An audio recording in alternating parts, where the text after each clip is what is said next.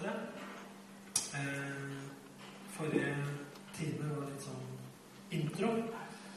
Eh, altså ikke den organisasjonen Andreas. Eh, nei, David jeg blant navnet hans hele tida. Som snakka om intro. Og det jeg sa om festen. Å komme hjem til festen. Jeg sa jeg skulle være litt personlig. Det er ja, det å å bli personlig. Det, det, det, det er å ta med folk inn i noe vanskelig landskap, altså. altså det, å bli med inni her hos meg, det, det er ikke bare Det er ikke bare enkelt, altså. Jeg skal prøve å få det til, da. Eh, tale med litt. Eh, saken var at eh, Jeg skal bare tilbake til historien vi delte. Saken var med denne eldste broren den trofaste av dem. Eh, når festen starter i Guds hus, da, som jo det faktisk er et bilde på dette huset her, så er det sånn at det virker som om når han hører festen, så er det fremmed for ham. Det er fremmed for ham at det er fest i huset. Det er, det er noe han har distanse til. Det er ikke noe han bare liksom hopper inn og sier Wow! Er det, er det party her i dag? Har vært ute og jobba hele dagen. Så bra! Det er ikke hans reaksjon i det hele tatt. Han er jo kjempeskeptisk. Altså, hvem er det som har eh, Hva skjer nå? Har han kommet hjem? Er det fest her? Hvorfor det? Burde det være det, egentlig? Er, det, er dette noe feirende? Ikke sant? Altså, han, han, er jo, han har jo alle piggene ute. Han er jo kjempenegativ til at det er en fest i Guds hus hvor det virkelig skjer noe. Og eh, jeg har lyst til å sette opp ett vers. Det er nesten litt sånn vanskelig å sette det opp, fordi det er, det er, det er, en, det er Jesus som sier det her, men det er, en, det er en anklage i det. Og anklager er liksom så langt unna evangeliet, men allikevel så sier Jesus noe i en kontekst hvor han, han kommer med en anklage til forsamlingen. En menighet, helt konkret en menighet som var i Efsus. Vi kan sette opp det verset der. Hva, hva er det man finner nå? Uh, hvis det ikke kommer der, så skal jeg ta og lese det. Og det står der. Ah, ikke det verset. Neste vers. Her sier Jesus noe. Det er åpenbaringsboka hvor Jesus sier Men dette har jeg imot deg. Og det kommer etter at han har skrytt og sagt veldig mye positivt til en menighet som var i Efsus den gangen. Så sier han det her til slutt. Men allikevel, sier han, dette har jeg imot deg at du har forlatt, forlatt din første kjærlighet. Og så sier jeg litt mer. Vi skal kikke litt mer på det stedet etterpå. Ja, det var et veldig positivt vers å begynne Kan du tenke. Eh, men jeg, jeg, har lyst til å snakke litt om det her, for det, det her opplever at det er noe som ligger på Guds hjerte. Eh, den første kjærligheten hvordan er den? Jeg tror jeg snakker om den, den første kjærligheten som, har blitt, som ble tent en gang. Den første gang man ble forelska i noen ting. Den første gang man virkelig ble fanga inn av noen som man begynte å elske. Og det er veldig lett for oss å kunne sammenligne det med, med den kjærligheten som vi opplever mellom oss mennesker. Eh, mellom eh, to som blir veldig glad i hverandre og kommer til å gifte seg. For eksempel, jeg husker, husker jo med Katrin den første kjærligheten. Og det er jo noe spesielt med den første kjærligheten. Jeg husker jo jeg oppdaga henne da en, en salig dag i 1989. Der hun satt på den sementstøpte trappa hjemme der nede i Strandbakken 12B, og jeg hadde med kamera og tok bilde av henne i sort-hvitt med fremkalt og skrev skryteord på baksida og sendte til henne seinere, så ble vi første kontakt. Men vi ble jo ikke sammen da.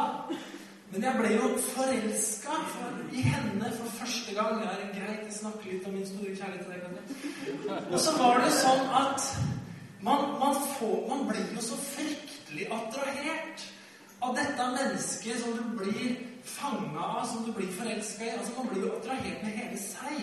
Det er jo ikke bare sånn at, at det liksom er noe sånn hva skal vi si, noe litt man tenker på og sånn. Det er jo hele kroppen. Ikke sant? Når man treffer det mennesket, så er det sånn elektriske pulser slår rundt, og du kan lett svette og lett bli rød. Og hvis den andre tar på deg, så sier det omtrent sånn inni der. ikke sant? Jeg husker hun jobba jo på Øko i blomster Altså en liten blomsterbutikk der gang vi gikk inn i butikken på Tolsrud. Det som er meny på Tolsrud nå. Og jeg husker det at jeg visste hun var der de og de dagene. Og jobba og sto inni den blomsterbutikken så man kunne se igjennom liksom det der glassinngangspartiet.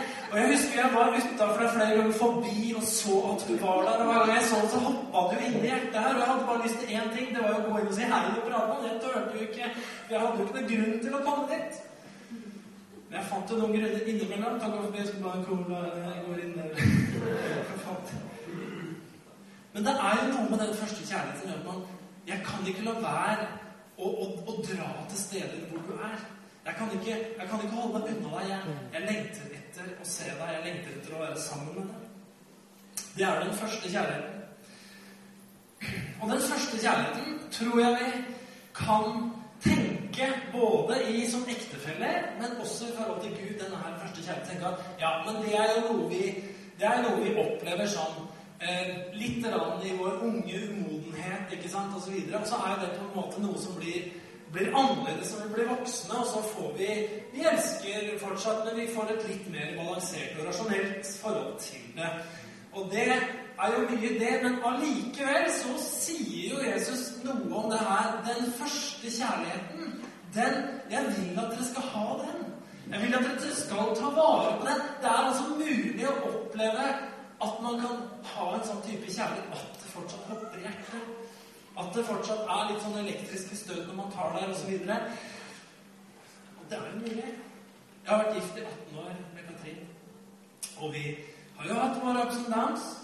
Men jeg må jo si det går jo fortsatt an å bli forelska i den jenta der. For meg, altså. Hold deg unna. Det er jo noe med at eh, en kjærlighet er der som gjør at det er spennende å leve sammen fortsatt. Det er fortsatt puls i det vi holder på med. Det er fortsatt liv i relasjonen vår.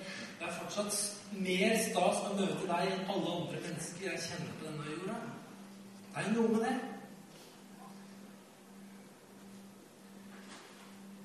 Jeg sa at jeg hadde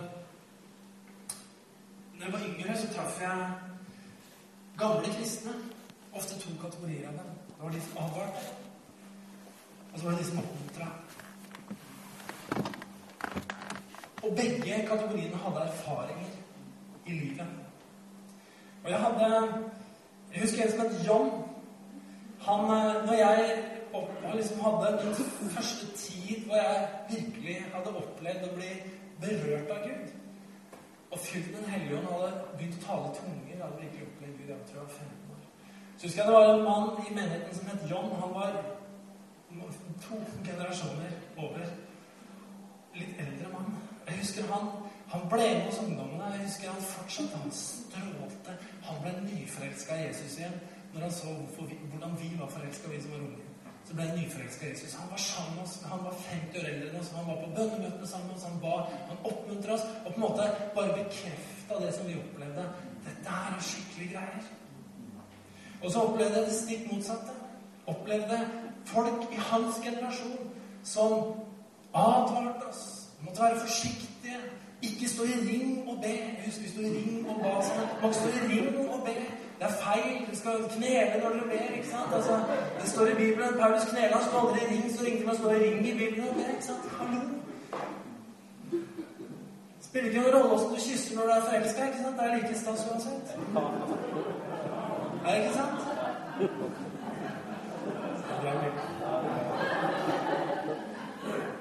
Ikke sånn du skal gjøre det. Det kan godt hende, det. Men han, han, han oppdaga den der første kjærligheten. Forteller litt fra, fra mitt liv i forhold til det her. Fordi at jeg tror da I det her med å, å, å, komme hjem, så tror jeg at jeg tror at vi også trenger å komme litt mer hjem altså. til Gud. Til festen. Jeg tror ikke det handler om bare å være liksom i utkanten og jobbe. Jeg tror, jeg tror det handler om å komme inn i storstua, der hvor festen foregår. Jeg ble frelst. Om igjen, holdt jeg på å si. Jeg ble ikke det. Jeg hadde jo trodd hele tida. Men uh, jeg ble skikkelig frelst igjen da jeg var 22 år. Og jeg blei utrolig forelska i Jesus. Jeg blei helt dramatisk forandra. Kamerater meg har jeg aldri sett et menneske forandre seg så mye på så kort tid. Han var veldig fortvila. Han likte ikke forandring. Men jeg husker når, når den tida kom for meg, så ble jeg, ble så forelska i Jesus at jeg gikk på jeg tror jeg gikk på nesten alt som gikk an å gå på møter her i Tønsberg. Hele tida. Hvorfor det? Fordi at jeg syns alt var bra. Det var jo ikke det. Liksom. Eller var det det? Jeg syns alt var bra. Overalt hvor de snakka om Jesus, så var det bra. altså. At gamle folk eller unge folk eller kult eller på kafé eller eller om det var i menigheten, eller om var nede på bønnemøtet. Det var, det var bare bra. Bare det var snakk om Jesus, liksom, så var det greit. Det var herlige folk, altså. Det var bra at vi kunne snakke om Jesus og be til han å være sammen. Uansett hvem og hvor det var, så var det innmari bra. Og det er jo noe med det at når du er forelska i et menneske òg, så er det sånn Alt er jo helt fantastisk. Selv om det ikke er noe. Vi oppdager noen svakheter sånn etter hvert. Men i den der kjærligheten så fins det sånn voldsom overbærenhet.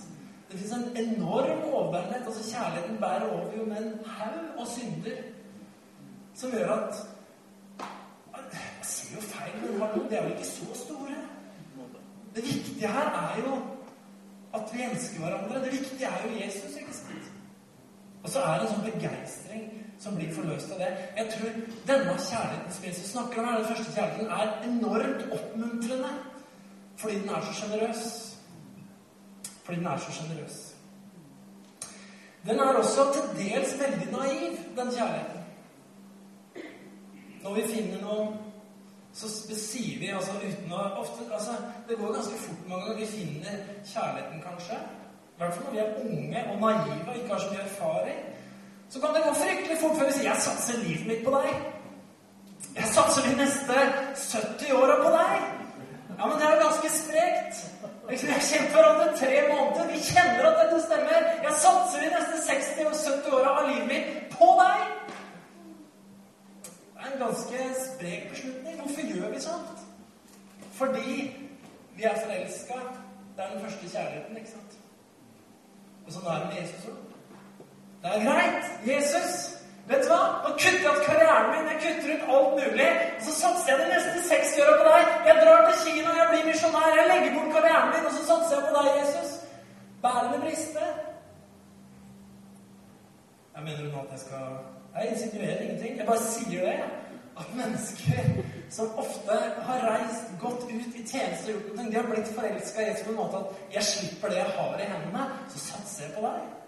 Bærende briste. Men jeg tror det kommer til å gå bra, for vi elsker hverandre. Og jeg hadde med han her.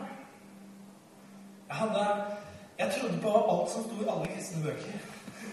Jeg har funnet ut at det, det er ikke nødvendigvis er riktig å gjøre. Men ja, Da tenker jeg ikke på Bibelen, men jeg tenker på alle kristne bøker som folk skrev. Jeg husker jeg trodde på alt som sto. Men det står jo! Man har jo opplevd det! Jo, jo, det kan være en del læremessige ting her som ikke er helt riktig. Å ja, Liksom. ok. Vi vokser. Det er fint. Men vet du hva? Langs veien så kan vi begynne å se på feil ting. Og så mister vi kontakten med festen. Så mister vi kontakten med hjemmet. Det er viktig det er viktig å være sunn. Jeg tror på sunne menigheter. Jeg tror på sunn teologi. Jeg tror at det er viktig med sunn lære. Jeg tror det ligger i bånn på sunn kristendom. Eh, men jeg tror også at vi kan havne i en grøft hvor vi kan få feil fokus. Hvor vi kan begynne å se etter ting som ikke er riktig, osv. i vår streben etter sunnhet. Jeg reflekterte litt jeg har sånne tenkeperioder som kan gå forferdelig lenge. Jeg hadde, Før jeg var 22 år, så hadde en tenkeperiode på et par år. Jeg tenkte mye over livet og sånn. Det er sikkert mange som har sånn. Jeg skal ikke dra deg inn i alt det, altså, for det er så mye rart. Men eh, jeg tenkte veldig mye på livet da, før jeg kom til Gud da jeg var et par og tjue år. Da tenkte jeg fryktelig mye på livet. Og det var, det var, det var en bra periode på en måte, men det var også en periode hvor jeg, hvor jeg kjente at det, det var mørkt. Og så så man lyset, ikke sant. Det var litt sånn fram tilbake. Til jeg da opplevde at Jesus er jo svaret. Og så ble det helt fantastisk å være sammen med Og så er det levde egentlig veldig mange år med det. Og fikk lov å begynne å tjene Gud osv. Det var fantastisk mye spennende for å være med på. Og så har jeg lyst til å snakke litt om å komme hjem til Gud igjen eh, i forhold til festen. At det, mange av oss som er her, i hvert fall jeg, jeg, jeg har vokst opp i pinsebevegelsen. Hvor det har vært fokus på vekkelse og Guds herlighet og, og gjerne undertegn, mirakler og mulig den, den type kristenhet. Og Jeg husker jeg var, jeg var fryktelig ivrig på å få tak i det Gud ville ha for livet mitt, og den iveren tror jeg er veldig bra. Men i den iveren der så er vi åpne, og det skal vi være. ikke sant? Men så har jeg opplevd at det kom så mange bølger. Jeg har hørt opp på en annen her som snakka om alle disse bølgene som har vært. Og Jeg husker første boka jeg leste som hadde tittelen 'Bølge' på seg. Det var John Gilbert, 'Den tredje bølge'. Jeg skjønte ikke den tredje bølge. Jeg var ikke så inne i ting, liksom. Så jeg begynte å lese den boka, og leste ganske mye. Jeg husker den tredje bølgen. Hva var den første bølgen den andre bølgen? Liksom Kommer det flere? Jeg husker jeg var veldig sånn usikker. Men dette var i hvert fall en bølge da, som hadde med helbredelse som å gjøre. Og det var, visst veldig viktig å være med på den bølgen. Uten at jeg fikk tak i den bølgen kanskje helt. da. Men så kom det andre som sa at de hadde en bølge, det som Gud gjorde nå, osv. Og så, og så var jeg på Er det noen som kjenner det? Som man på Når man er med der hvor Gud gjør noe til. Og så var det bare det at akkurat på samme måte som i dette huset hvor denne sønnen vokste opp, så er jeg helt sikker på at det var mange forskjellige ting som skjedde, som kanskje ikke var så bra. Det var sikkert ikke alle tjenerne som var perfekt blide hele tida. Storebroren var i hvert fall ikke det hele tida. Det var nok ting i huset til faren som gjorde at han fikk lyst til å dra ut og forsvinne derfra og stå på egne bein. Et hjem kan være ganske slitsomt å være i noen ganger. Og så opplever jeg det, og jeg tror at mange i min generasjon jeg snakker litt til dere, vi har sett ganske mange bølger komme og gå innen kristenheten. Og så har vi sett svakheten ved mange av de bølgene. Fordi at det er alltid så lett å være klok i etterpåtid. Det er alltid så lett å si etterpå at det begynte jo så bra, og så skjedde det, og så skjedde det, og så ble det ikke noe. Så det var jo feil. Og så var det feil, og så var det feil, og så var det feil.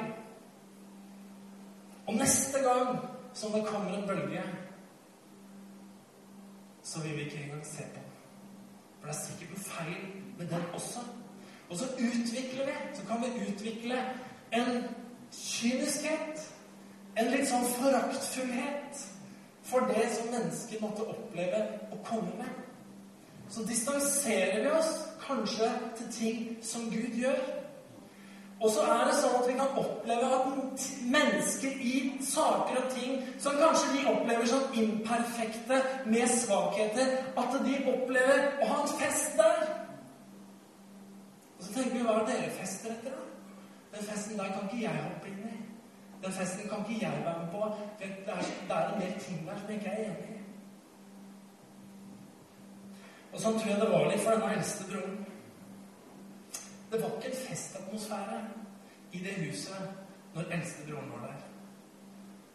Han var opptatt av andre ting. Han var opptatt av arbeid. At det skulle være ordentlig, at det skulle være stell på tingene. Gud Jeg sa for noen uker siden i Bykirken Gud, det fins noen bilder på Gud i Bibelen. Det er sånne bilder som vann. Det er sånne bilder som ild. Det er sånne bilder som vind. Som flammer. Olje. Og en ting som kjennetegner alle bildene, det er at du kan ikke holde det. Du kan ikke gripe det. Du kan ikke holde det. Ikke det at jeg tror om meg selv at jeg allerede har grepet det, sier Paulus. At jeg holder det, at jeg, at jeg har skjønt alt. Men jeg jager etter det. Og så tenker jeg det at eh, vi kan komme inn i en sånn type rasjonell måte å drive gården på. Jeg tror eldste broren i huset her drev gården veldig bra. Jeg tror han var en smart, rasjonell, dyktig kar som holdt farmen gående, mens denne andre slubberten av lillebror, han var ute, og han eh, prøvde en annen vei. Bare det at festen ble borte. Festen ble borte. Og den dagen hvor han kom hjem da, og hører festen, så er plutselig festen fremmed. Og så lurer jeg på, så tenker jeg på, så har jeg reflektert over mitt eget liv. Har festen blitt fremmed? Har festen blitt fremmed? Har festen blitt fremmed? I åpenbaringsboka, i dette andre kapitlet, så sier Jesus og husk at Dette er jo Jesus som kommer. Jesus har dødd. Han har stått opp fra de døde. Han har fart opp til himmelen.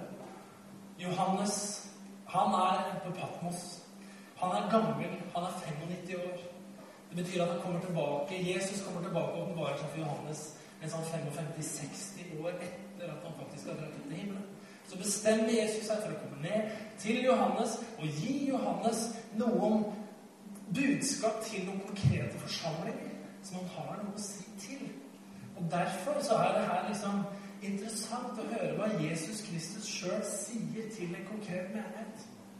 Han sier som følger Skriv til engelen for menigheten Efesus.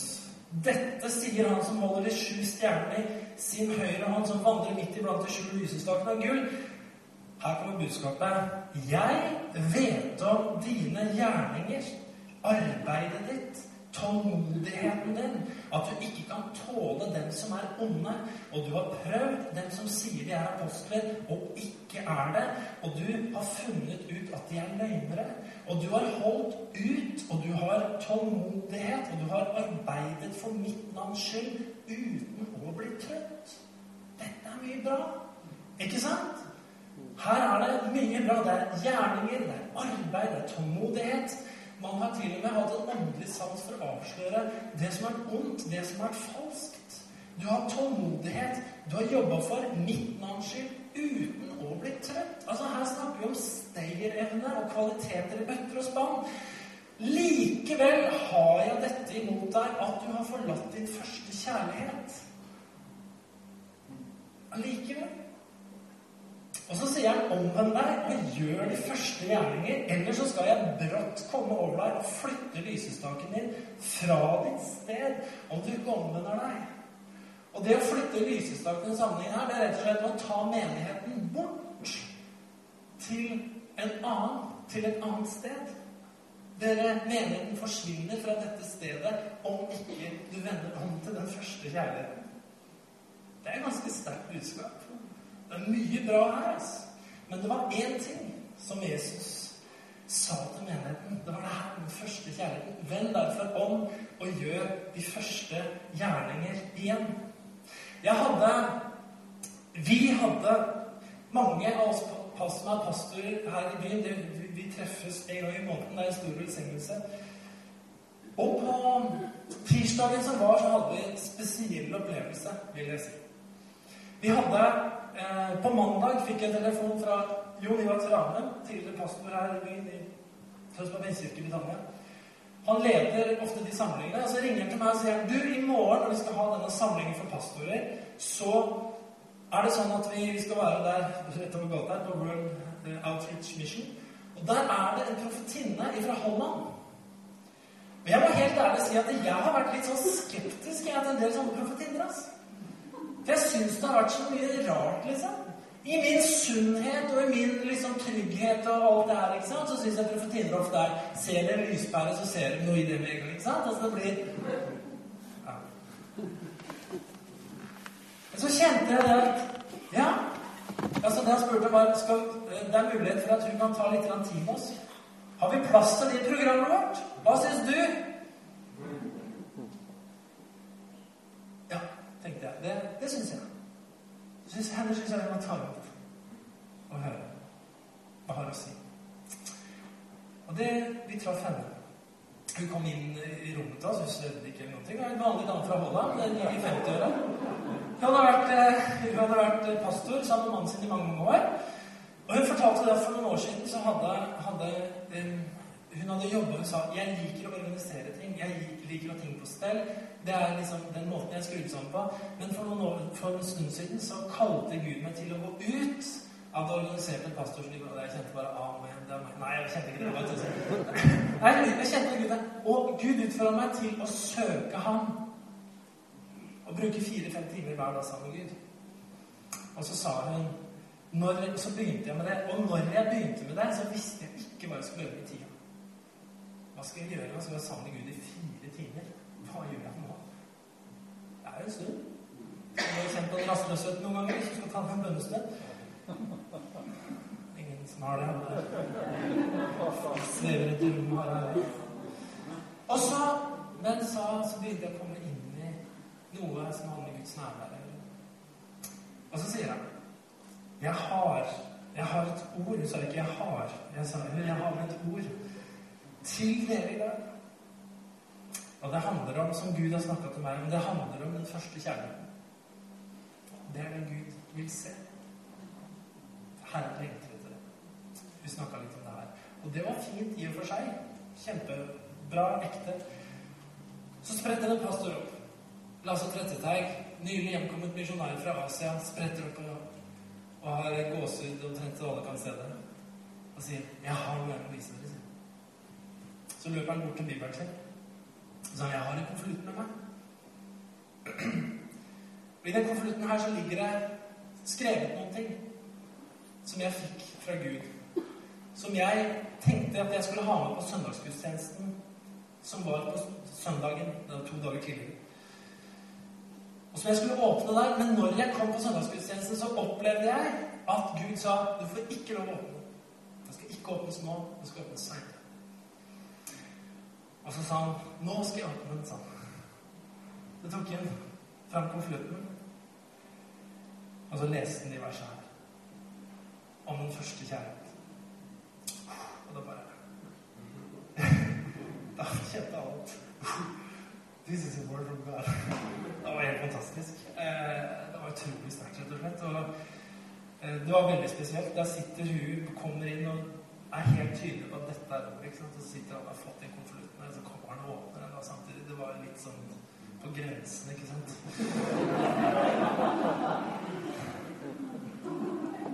Men jeg tenkte Det er noe Gud vil si oss, da. Og egentlig så følte jeg at det var enormt i tråd med, med ting som jeg, som jeg har kjent på siden sommeren. I forhold til det her med Guds Guds rike og den festen som er der. Jeg tror Jesus jeg tror Jesus tegner et bilde av Guds hus. Jeg tror Jesus tegner et bilde av menigheten når han forteller historien om, om denne her, som vi kaller en bortkomne sønn. Jeg tror, jeg tror, det er en historie om dette huset, dette farshuset, det er et sted hvor det er muligheter som er enorme. Hvor det er muligheter til å oppleve Da mener jeg ikke bare feste hvor vi liksom har sånn amerikansk aften her ute, eller noe sånt, men jeg snakker om et nærvær av Gud. En fest, åndelig sett, som Jesus brakte med seg, hvor Guds rike kommer, og mennesker opplever en befrielse og en forløsning. Men jeg tror da, i alt vi kan snakke om og Jeg, jeg syns det er flott med strategier, jeg syns det er flott med verdier, jeg syns det er flott med planer, jeg tror alt er fra Gud og alt mulig. Men i alle sånne ting, da så handler det om at inni alle disse planene, inni alle disse strategiene, så, må, så er det mennesker som brenner på innsida med den kjærligheten til Jesus. Ikke sant? Det er det som er drivkraften, hvor du kan arbeide uten å bli trøtt, på en måte. Og hvor det er en brann inni her, hvor ting kommer ut ifra. Det er det som forvandler menneskets liv. Jeg, jeg hadde Jeg gjorde en kapitulasjon i sommer etter en lang tenkeperiode. Jeg hadde mange deler som går i menighetene. Nå har jeg vært på forsida av KS Carlsen har hatt uh, tenkt mye på helvete og hadde litt problemer med det en periode. Det, det, jeg, hadde, jeg, hadde, en åndelig tøff, en litt mørk periode hvor jeg, dette med fortapelsen gikk fryktelig inn på meg. Det her for et par år siden. Par tre, to, to, to år siden. Hvor det var en sånn voldsom tankeprosess for meg eh, hvordan det her var og ikke var. Og på en måte Jeg ble ferdig med det, og det var veldig godt. Men i kjølvannet av noe av det her så vet du at jeg, jeg, er sånn type at jeg liker å sjekke om ting stemmer, liksom. Det, altså, det, sånn er jeg bare. Jeg liker å sjekke om ting er det virkelig sånn. ikke sant? Stemmer dette her? Liksom? Er det sånn det egentlig er? Å stille spørsmål ved ting. Jeg tror ikke det er farlig å stille spørsmål ved ting. Hvis ikke ting holder vann, så er det ikke verdt å satse livet på. Det er jo saken. Ting må jo være the real deal. altså. Jeg, jeg bruker ikke livet mitt på noe som ikke er sant. Noe som ikke er ekte. Paulus sier det samme sjøl. Altså, hvis ikke det ved Jesu oppstandelse har skjedd, da er vi de største idiotene som går i to sko. Sånn, eh, litt sånn fritt oversatt. Men det er det han sier. I første Korinterbrev 15 faktisk for noen sier oppstandelsen har ikke skjedd. ikke sant? Altså masse det overnaturlige, det har ikke skjedd. ikke sant? Da sier Paulus hvis ikke det har vært en oppstandelse, så er vi komplette idioter. Altså Da har jeg satsa livet mitt på noe som bare er tull. For oppstandelsen er hele greia. ikke sant? Og jeg, det, har vært, eh, det er veldig interessant å, å, lese Bibelen. Og mange ting i Bibelen er jo utfordra i dag. ikke sant? Gjennom forskning, gjennom vitenskap Jeg har snakket om Noahs ark her. ikke sant? Hvor fikk man plass til alle dyra inni Noahs ark? ikke sant? Ja, stemmer det? 144 000 kubikk og alle de dyra aldri vært med. ikke sant? Stemmer det? Fikk vi det der? Det er For meg så var det liksom viktige ting, da. Hva med skapelsen? Hvor gammel er dette det greiene her? Hvordan er det i forhold til det? Bla, bla, bla. bla. Altså, det er noe med det. Og så kan, kan vi rasjonalisere ting. Og så kjente jeg på det i sommer Jeg snakka med Katrin rundt sånne ting. Så kom det et punkt i sommer jeg opplevde at Gud bare sa til meg som Nei, jeg er overnaturlig. Don't forget, altså. Om jeg så gjorde et matunder inni Noahs ark så det regnet, altså, det skjedde jo faktisk i ørkenen. De sleit ikke ut skoa, de fikk gratis mat fra himmelen hver dag. Det står ikke noe om det. Nei, det står ikke noe om det, men who knows? Jeg vet ikke. Gud er en overnaturlig Gud. Og det er det som er så fantastisk, at han er det. At han kaller oss Han kaller oss til noe mer enn bare arbeid. Han kaller oss til noe mer enn bare trofasthet. Han kaller oss til noe mer enn utholdenhet, enn mer enn tålmodighet, mer enn det å være sterke ikke gå trøtte. Han kaller oss noe mer enn det som han skryter av på her. Han kaller oss den første kjærligheten. Liksom den der første entusiasmen. Den greia der, den kjenner jeg at den, den vil jeg ha. For jeg har kjent på noe av det. Jeg har sett på noen parter. Noen vekkelsesparter som har gått de siste åra. Og eh, det har vært en del, de, en del ting på de partyene som kanskje det har vært noen rare folk hos. Men jeg skal innrømme en ting. Jeg har kjent meg til dels fremmed når jeg sett på noen av partyene.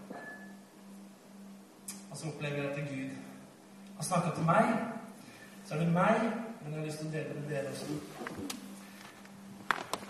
at uh, Hallo. I mitt hus så skal det være party. Og det er ufullkomne mennesker der. Det stiller deg på utsida. Og blir storebror som bare jobber. Gud vil at du skal komme igjen. Ikke bare som en arbeider, men komme inn i storstua og være med. For det er der ting skjer til syvende og sist. Det er der den første kjærligheten hvor det er nødt til å være. Hvor du kan drikke, og hvor du heller kan gjøre noe. Det handler om vekkelse. Det tror jeg. Så velkommen hjem. Uansett historie. Jeg tror det fins mange historier. Når vi snakker til en forsamling hvor det er voksne mennesker, syns det det enda flere historier og enda lengre historier. Det fins gode historier, og det fins vonde historier. Men jeg tror at Gud han, eh, han har stuedøra åpen for oss. Jeg tror han har studier åpne for deg. Jeg tror han har studier åpne for oss som fellesskap. Og jeg tror den derre entusiasmen, det derre suget som finnes i første å være sammen med Jesus. Jeg kan ikke la være å vise Den der, den der er det kraft i. Altså. Jeg. Den er så genuin, og den er så smittsom. Kan godt hende du, bare for å prøve å koble sammen trådene litt Når denne første Når denne historien starter om sønnen som drar av gårde, så handler det om at han, han var på et fantastisk sted, egentlig, som han ikke satte så pris. Og så kjenner han bare han ut, må av gårde for å få realisert seg, for å få, for å få frihet. Og så går det tørt. Han hadde det bra, og jeg tror det. At noen ganger så kan vi bli sånn at vi finner feil i huset. Og vet du hva? Jo flere mennesker vi blir i denne forsamlingen, eller kristne eller byen, jo flere mennesker vil du finne feil. Du vil ha flere og flere muligheter til å finne ting som ikke er helt på sted, eller noen som sa noe feil, eller hvordan det er. Men sånn er det. Men for all del, forlat ikke huset. Forlat ikke huset. Bli der hos faren min. Vær midt i huset. Og sørg for å ta ut, for alt mitt var jo ditt. Alt mitt er jo ditt. Du kunne bruke det når som helst. Amen. Og jeg tror at atmosfæren den ble annerledes i huset når festen starta. Bankers. Det er noe med å ha fest. Ikke sant? Det er noe å ha fest. Det er noe å kjenne på den atmosfæren. Og Guds hus skal være et hus hvor det ikke hver dag er fest. Det er sånn er det ikke. Men hvor det er fester definitivt. Definitivt. Og uansett hvilken historie du har bak deg, så er du velkommen inn. Du er velkommen. Hør du har alltid vært Guds barn. Denne sønnen som stakk av gårde, han mista aldri sønnekåret. Faren sa aldri 'Du er ikke lenger min sønn'. Han var sønn hele veien. Også når han satt der ute og ble fryktelig åndelig sulten og tenkte 'Nå må jeg hjem og spise igjen'. altså. Jeg får bare ikke mat. Nå har jeg gått fullstendig tørr her ute i mitt eget løp. Nå må jeg hjem og spise igjen. Om det så er som tjener, det spiller ingen. Så er du velkommen inn i storstua. Velkommen hjem til festen. Amen. Det er mitt budskap som jeg har lyst til å gi denne ettermiddagen. Jeg har fire minutter. Stig kan ta piano. De siste fire minuttene så har jeg lyst til at eh, at Stig bare skal spille. Trenger ikke å synge. Du har fin stemmesteg, men akkurat nå kan du bare spille litt. Jeg har lyst til at du bare lukker øynene litt. Og så er du litt sammen med Jesus akkurat der du sitter. Kanskje det er lenge siden du har vært i stua og hatt fest som Jesus. Jeg takker deg, Herre, for, for det bildet du viser oss i denne historien. Takker deg, Herre, for det bildet som du viser av huset ditt, av menigheten din, ditt hus. Vi er ditt hus, Herre. Vi er levende stener som er bygd opp for å være et hus hvor du bor og råder. Jeg takker deg, Far i himmelen. Det er mye forskjellig der. Det skal gjøres ting, det skal arbeides. Det skal produseres, det skal holdes orden. Det er mange ting her. Men Herre, takk Herre at du også forteller oss denne historien at vi må ikke glemme at det fins en herlighet der.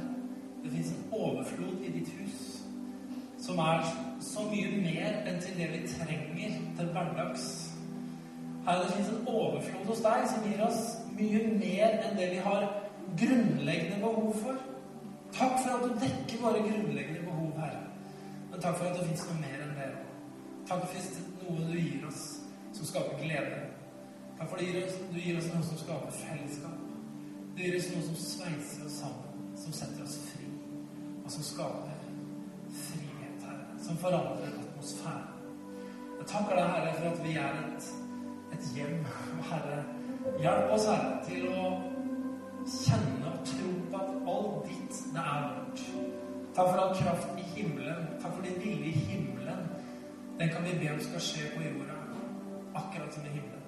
Takk for det. Så takker jeg deg, Jesus Kristus, for hver en som er i det rommet her denne ettermiddagen. Vi har forskjellige historier. Noen av oss har vært nyforelska og så glemt det. Så vi kanskje blitt å forakte isteden. Noen av oss har kanskje noen historier bak oss. Men Herre, takk at uansett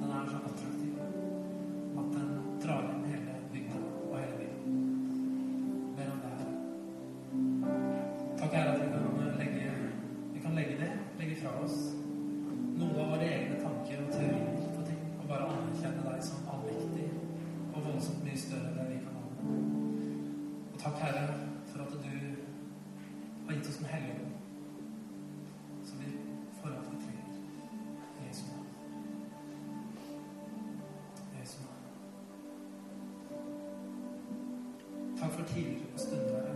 At det er ulike tider. Det er en tid for det ene, en tid for arbeidet, en tid for å sove, en tid for å våkne, en tid for å feste. Det er en tid for å rydde opp. Det er en tid for alt her. Men la oss, Herre, forstå budskapet ditt. Om at hjemme hos deg så er det rom for noe mye mer enn bare det grunnleggende. Takk for din overflod og tida som kommer, Herre. Overflod av glede, overflod av frelse, dypere innlevelse. Overflod på alle mulige måter. I Jesu navn. Og så på hjertene våre. Du er vår sjels hyrde. Pass på hjertene våre, sånn at vi følger etter deg. Takk for at du gjør det. Og med den vandrer i dødsskyggens dal. Så vi trøster oss, Herre. Du, du får oss på plass. Du hjelper oss. I Jesu navn. Amen. Da sier jeg takk for meg, min sesjon. Og det var veldig viktig